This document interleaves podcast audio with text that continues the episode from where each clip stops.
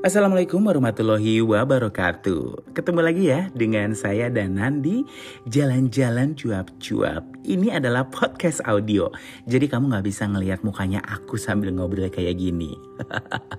Well guys, uh, musimnya minggu kemarin aku bikin podcast. Karena seperti janjiku padamu Setiap minggu gue pasti bikin podcast ya. Tapi minggu kemarin itu gue ada beberapa kegiatan, bukan kegiatan sih, kesibukan kejar deadline untuk bikin video kantor buat lomba. Jadinya gue nggak bisa. Nah ini ada satu film yang sebenarnya itu kayak relate banget dengan gue gitu. Dan ini adalah Jalan yang Jauh Jangan Pulang ya. Merupakan film kedua ya. Uh, besutan Anggwadi Masa Songko yang berkisah tentang sebuah keluarga. It's a simple sih sebenarnya gitu. Tapi ini kayak relate banget ke gue gitu. Terutama gue si anak yang merantau ini dan gue jadi kayak ngerenung bahwa iya ya gue merantau dan sampai detik ini gue belum menemukan sebenarnya rumah gue itu di mana gitu. Banyak yang lost yang hilang gitu. Alah. Tapi beneran deh gitu. Jadi gue memang bukan seperti Aurora anak tengah yang tidak mendapatkan banyak perhatian. Gue mungkin lebih kayak ke awan ya. Anak bungsu gitu ya yang lebih banyak sebenarnya dapat attention, lebih banyak perhatian gitu. Karena apa namanya? Uh, dengan story gue lah ya, background story gue lahir prematur, sering sakit, kemudian ada beberapa kejadian, pada akhirnya juga uh, orang-orang di rumah gitu, terutama nyokap dan bokap itu lebih perhatian ke gue gitu. Akhirnya munculnya adalah uh, overprotective gitu. Jadi gue memang pernah dipercaya buat untuk merantau tapi gue sakit gitu dan lumayan berat. Akhirnya gue balik ke kampung halaman. Itu kayak gue mesti nata hidup gue kembali gitu. Gue harus menggantungkan cita-cita gue gitu. Gue akhirnya sebuah titik balik lah salah satu titik balik hidup gue dan akhirnya berubah gitu. Gue jadi ya anak-anak anak-anak yang hanya menjalankan keinginan orang tua gitu. Karena ketika gue punya satu keinginan tuh oh ternyata uh, nggak semulus ya akhirnya gue ikutin aja lah gitu. Karena ketika gue pulang waktu itu uh, prioritas gue adalah pengobatan. Gue juga tidak memprioritaskan pendidikan gue ya kalau gue akhirnya kuliah dan selesai itu di momen itu sempat berpikir itu sebuah bonus gitu. Karena ya gue bisa bertahan hidup aja udah oke. Okay. itu background story. Hingga pada akhirnya muncullah uh, kebijakan bahwa gue nggak boleh merantau yang hanya boleh merantau itu kakak gue gitu. Tapi pada akhirnya ceritanya kebalik ya. Kakak gue baliklah tinggal dengan orang tua gue sedangkan gue akhirnya yang merantau. Jadi setelah gue selesai kuliah gue bekerjanya juga uh, tidak langsung pindah kota gitu tapi pelan pelan jadi uh, awalnya itu pindah di dalam masih dalam provinsi Lampung dan pola kerjanya dua minggu kerja satu minggu libur. Itu orang tua gue secara feel itu masih gue pulang ke rumah gitu. Jadi it's okay lah it's fine gitu. Nah akhirnya ada satu momen di mana gue mesti pindah keluar kota provinsi yang cukup jauh dan itu sebenarnya berat buat nyokap gue terutama bokap gitu. Tapi yang menyenangkan adalah pola kerjanya masih sama. Dua minggu kerja satu minggu libur yang artinya gue setiap uh, setiap bulan bisa pulang lah at least satu kali kalau beruntung dua kali gitu ya dan durasinya panjang dan itu secara feel gue memang tidak keluar rumah akhirnya ya gitu. Karena itu kan gue kerjanya di apa namanya di mes mandah gitu kan. Gue tidak pindah secara tempat tinggal atau rumah atau residen gitu. Nah tapi untuk dapat izin nih yang agak jauh ini sebenarnya gue juga agak berat gitu. Menyokap tuh sempat bilang ya tolong ikhlaskan gue untuk bekerja jauh kata gue karena gue laki-laki dan harus punya tanggung jawab sehingga langkah gue harus lebih panjang untuk mencari rejeki. Karena gue ngerasa bahwa restu orang tua itu sangat penting gitu. Karena gue berkali-kali coba untuk apply kerja di Jakarta itu nggak pernah satupun tuh yang berhasil gitu. Padahal temen gue banyak banget dan gue ngerasa itu karena gue nggak dapat berkah atau dapat izin atau dapat bless lah dari orang tua. Makanya gue minta banget. Dan akhirnya orang tua gue mengizinkan dan di situlah perjalanan hidup gue berubah. Karena sebenarnya ada lagi sih cerita. Mungkin ini pertama gue cerita ya dan gue nggak tahu. Ada yang tahu apa enggak? Jadi gue pernah ngalamin sesuatu lah gitu dan gue minta sama Tuhan please Tuhan pokoknya di satu titik yang kesedihan itu gue udah nggak bisa toleransi lagi. Gue cuma minta Tuhan tolong pindahkan gue dari kota ini biar bisa melupakan segalanya. Naif sih tapi it's work gitu karena tiap malam gue berdoa dan Tuhan tuh kayak kasih jalan gitu. Ya udah gue pindah ke provinsi baru. Kemudian di situ akhirnya gue menemukan hobi passion baru. Gitu jadi gue tahu bahwa akhirnya gue bisa menulis gitu ya. Dan hobi traveling itu dimulai dari situ. Nah hobi traveling ini yang akhirnya merubah gue secara karakter. Gue dulu adalah tipikal orang yang tidak bisa makan di mana saja tidur di mana saja tidur tidak nyaman lah terutama. Kalau makan oke okay lah ya gue masih bisa. Cuman kalau tidur tuh gue harus yang di rumah dalam kondisi proper tempat tidurnya bagus bersih nyaman gitu.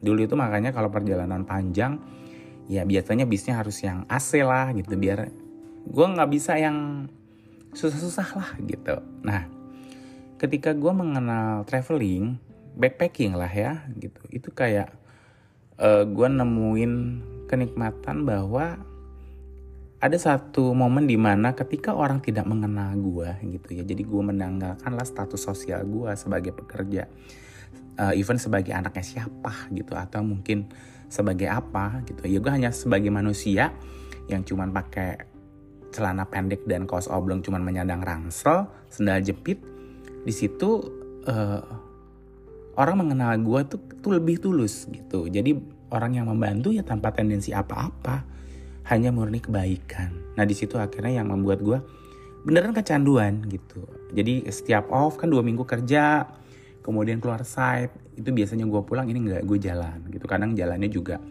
cari temen di beberapa komunitas backpacking, komunitas jalan, online kan banyak ya. Dulu awalnya di Kaskus. Terus pada akhirnya nyambung juga dari komunitas backpacker satu kota ke kota lain. Pernah juga ada satu momen gue jalan nggak tahu mau ke mana ya udah, gue nongkrong aja di terminal atau gue nongkrong aja di jalan gue naik bis apa ya, ya udah gue naik lah ke situ. Jadi itu yang akhirnya merubah gue gitu bahwa pada akhirnya rumah adalah di mana pun dan gue ngerasa momen itu adalah beneran tiket gue keluar dari rumah gitu jadi kalau gue di rumah jujur ya pengaruh interferensi orang tua gitu ya itu pasti ada. Bagaimana kita let's say gitu ya bagaimana kita melihat sudut pandang sebuah masalah menghadapi masalah kemudian juga uh, kayak mengelola keuangan dan sebagainya itu pasti dipengaruhi lah ya gitu. Nah ini enggak gitu. Jadi gue benar-benar mengambil keputusan gue sendiri di perjalanan itu gue ketemu orang-orang baru yang merubah cara berpikir gue dan di situ juga gue menemukan bahwa ketika gue sendiri gue merenung maka uh, pada akhirnya gue akan mendapat banyak inspirasi untuk menulis gitu. Itu kenapa pada akhirnya gue nikmatin banget momen-momen ya itu sekitar empat tahun gitu dan di tahun pertama gue belajar benar menulis di tahun kedua gue mulai ikut lomba akhirnya tahun ketiga dan tahun keempat itu adalah kalau dibilang adalah adalah era keemasan ya gitu gue banyak menang lomba gue baru tahu bahwa ternyata hobi yang cuman begini aja tuh bisa jadi duit gitu ketemu orang pokoknya pengalamannya luar biasa gue ada keberanian untuk bukan speak up ya menunjukkan apa yang gue mau gitu karena sejujurnya Orang tua gue sebenarnya tidak banyak melarang, tetapi mengajak realistis. Let's say ketika gue ingin kuliah arsitektur atau gue ingin kuliah desain grafis gitu, mereka nggak bisa kasih itu karena keterbatasan ekonomi. So, ya udah, gue nggak ngambil itu gitu. Nah, ketika gue udah bekerja, ya era itu mungkin udah bisa dibilang punya duit lah ya gitu. Gue bisa mengambil keputusan gue mau mendalami hobi menulis, gue mau mendalami hobi fotografi, gue mau mendalami hobi videografi yang akhirnya itu juga uh, memunculkan lah mungkin yang selama ini mungkin ya gue punya talent di situ tapi ya tidak pernah terekspos karena memang tidak ada kesempatan itu naik gitu. Jadi gue dapat pengalaman baru lah. Benar-benar suatu pengalaman baru. Kemudian gue pindah ke Batam. Ini sebenarnya momen juga tonggak di mana pada akhirnya yang kedua benar-benar pindah.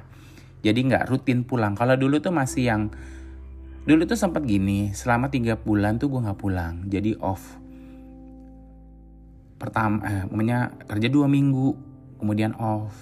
Jalan lagi gitu selama tiga bulan. Akhirnya uh, bokap memang komplain gitu. Ya ngomong dek jangan jangan offnya jalan terus dong nggak pulang katanya. Kasih waktu pulang gitu. Ya oke deh gitu. Karena orang tua gue juga masih super protektif di momen awal-awal gue traveling. Itu nyok bokap tuh nelpon selalu nelpon di jam makan nanya dia udah makan belum? Hal-hal kecil gitu. Yang gue jujur sebagai anak awalnya tuh agak risih gitu kok gue udah setua ini gitu ya dan gue udah kerja udah punya duit kok masih diingatkan hal-hal remeh ya kalau gue makan ya eh kalau gue lapar ya gue akan pergi ke tempat makan kan gitu tapi pada akhirnya sekarang gue sadar bahwa itu adalah bentuk perhatian dan kasih sayang mereka gitu. Sempat ada momen di mana ketika traveling itu pengen gue matiin HP ya. Gitu. Karena bapak nyokap bokap gue ya. Kalau nyokap tuh lebih sebenarnya nyokap tuh lebih memberikan kesempatan sih. Cuman bokap mungkin beda lah ya sayangnya kadang-kadang antara ibu dan bapak ini beda sayangnya konsepnya beda gitu dengan anaknya itu dan akhirnya benar-benar gue kayak keluar dari rumah dan berasa memang keluar dari rumah adalah ketika gue ke Batam gue tidak bisa sering-sering pulang paling pulang setahun atau dua tahun kali dan itu gue pertama kali merasakan merantau tadinya sih gue nggak ada rasa apa-apa ya maksudnya ya ya udah biasa aja gitu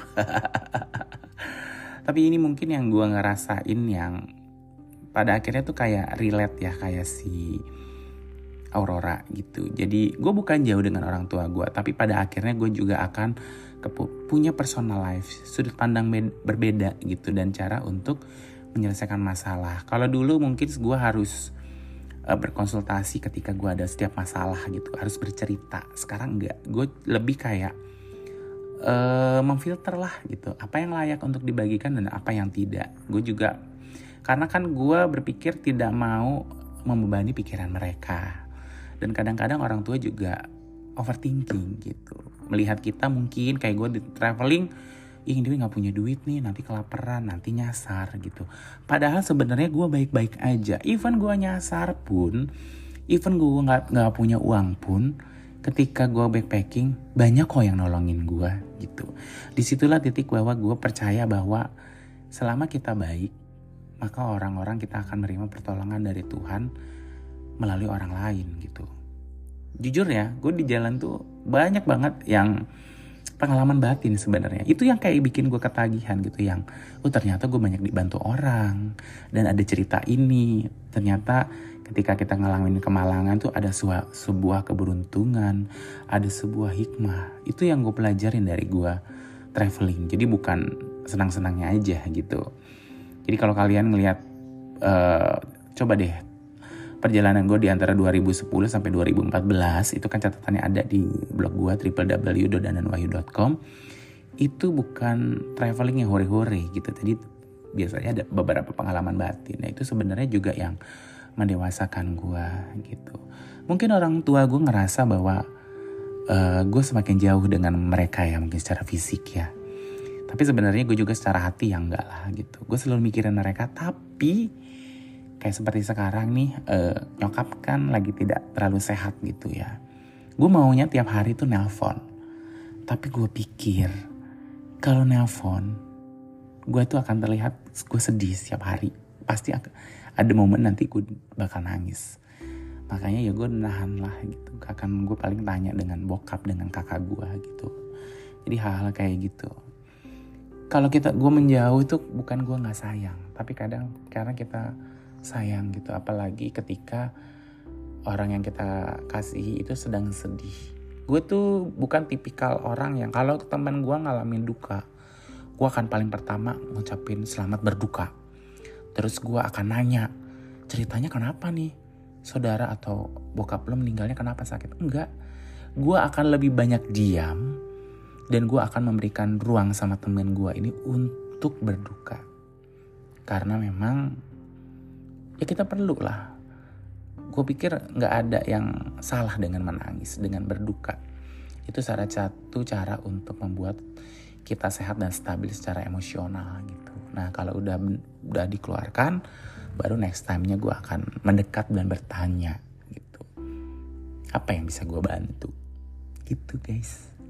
Oke balik lagi ke Aurora gitu. Jadi si Aurora ini kalau di berdasarkan film Jalan yang Jauh Jangan Pulang, dia ini kan sebenarnya ada satu masalah dan dia istilahnya sempet ya biar nggak pusing gue cuma sempet deh ada momen ketika gue ada masalah kayaknya gue uh, sejenak menjauh lah dari keluarga gitu. Bukan memutuskan silaturahmi tapi sejenak lah gitu. Memberikan ruang untuk gue juga untuk menyelesaikan masalah. Nah seperti juga dengan Aurora tapi ternyata kan memang uh, karena juga bokapnya si Aurora Awan dan siapa nih?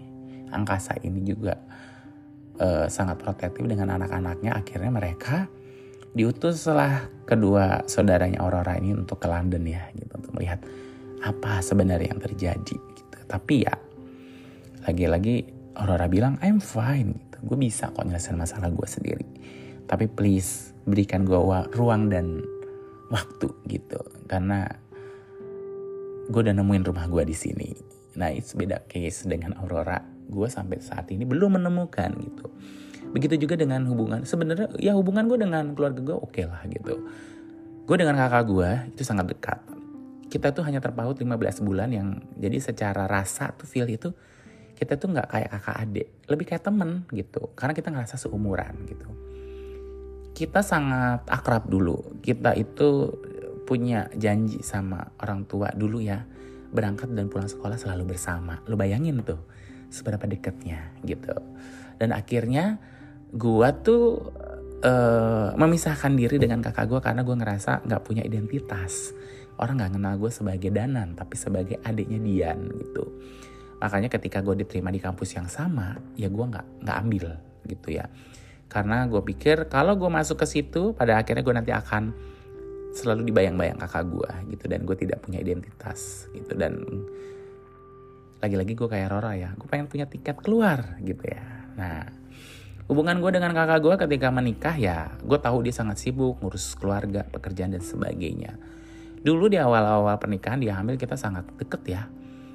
Kita ada momen tuh suka kabur bareng makan gitu. Jadi pas hamil lah gitu. Eh gue ngidam nih yuk kita boleh kerja gitu. Itu gitu. Ngobrol ngobrol bisa 3-4 jam itu juga nah itu dulu nah sekarang kakak gue itu juga bukan tipikal orang yang suka berbahasa basi dan ngobrol-ngobrol hahaha di WhatsApp jadi kita juga nggak pernah jarang banget buat ngobrol-ngobrol di WhatsApp.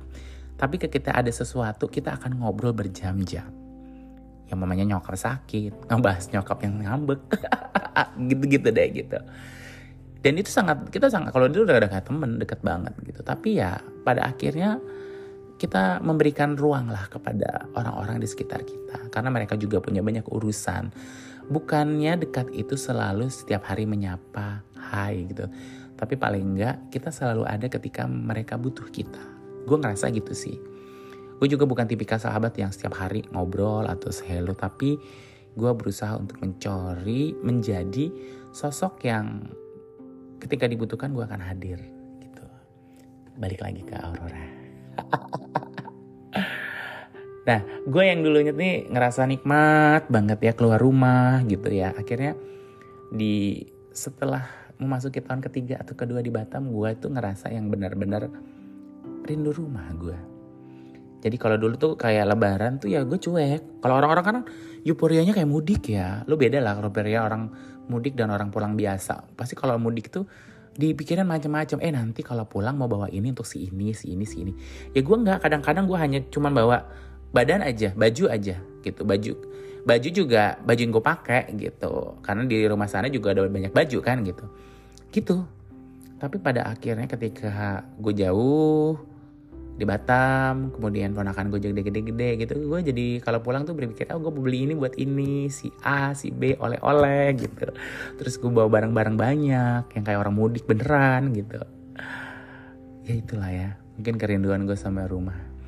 Tapi sih kalau ditanya lu pengen pulang nang?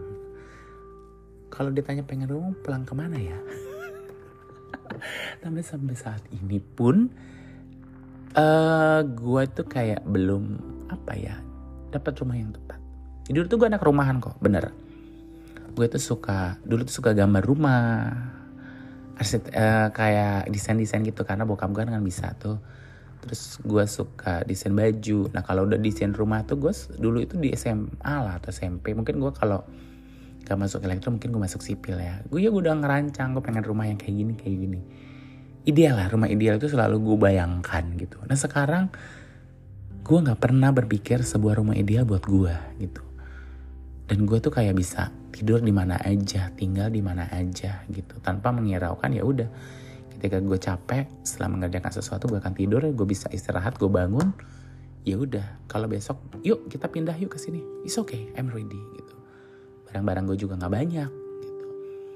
Dan gue kayak ya barang gue minimalis banget gitu.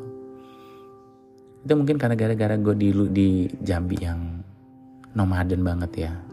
Jadi gue punya dua ransel. Biasanya sebelum gue berangkat nih untuk traveling biasanya gue akan mempersiapkan satu ransel gue lagi gitu. Ya dengan baju sekadarnya alat mandi gitu ya. Nah nanti begitu ini gue pergi nih banyak gue di uh, off gitu ya. Terus gue balik lagi kalau ada yang ngajakin gue jalan gue akan siap langsung ambil satunya lagi. Segitunya loh dulu gue balik lagi tentang Aurora. Jadi uh, eh, gue ngerasa kalau gue nggak deket dengan keluarga bukannya gue nggak sayang. Kalau gue memberikan jarak gue hanya memberikan ruang aja sama mereka gitu. Dan gue juga butuh ruang karena pada akhirnya setiap orang butuh untuk berpikir sejenak. Thank you ya udah nyimak selama eh, uh, 20 menit dan terima kasih. Dan untuk kamu yang mau mendengarkan bisa aja langsung mendengarkan di Spotify dan pastinya di podcast Jalan-Jalan Cuap-Cuap.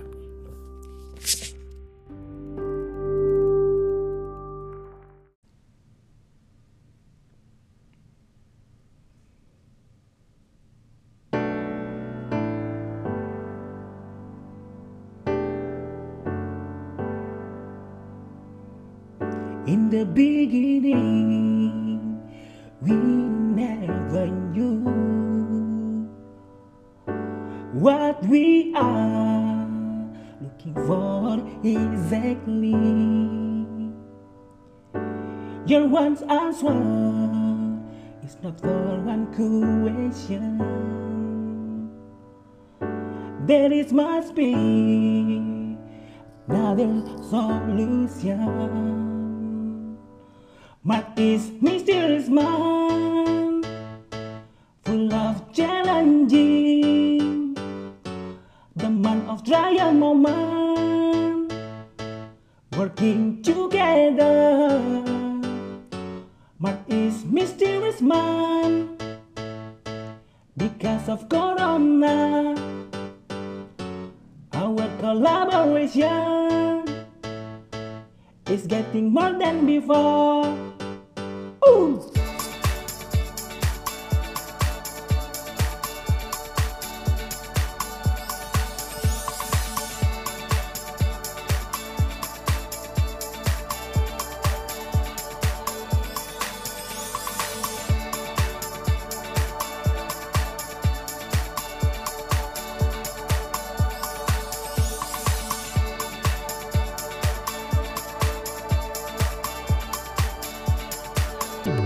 In the beginning, we never knew what we are looking for exactly. Your once answer is not for one question. There must be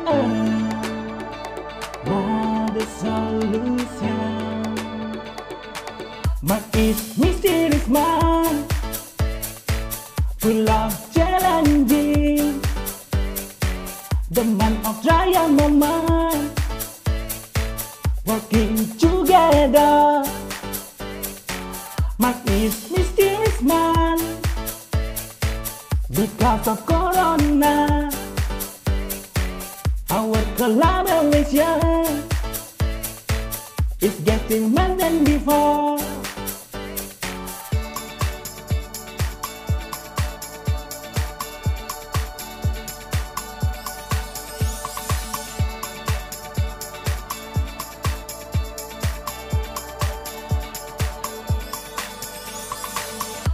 Mark is mysterious man Full of challenging The months of trial moment working together. Man is mysterious man because of Corona. Our collaboration is getting better than before.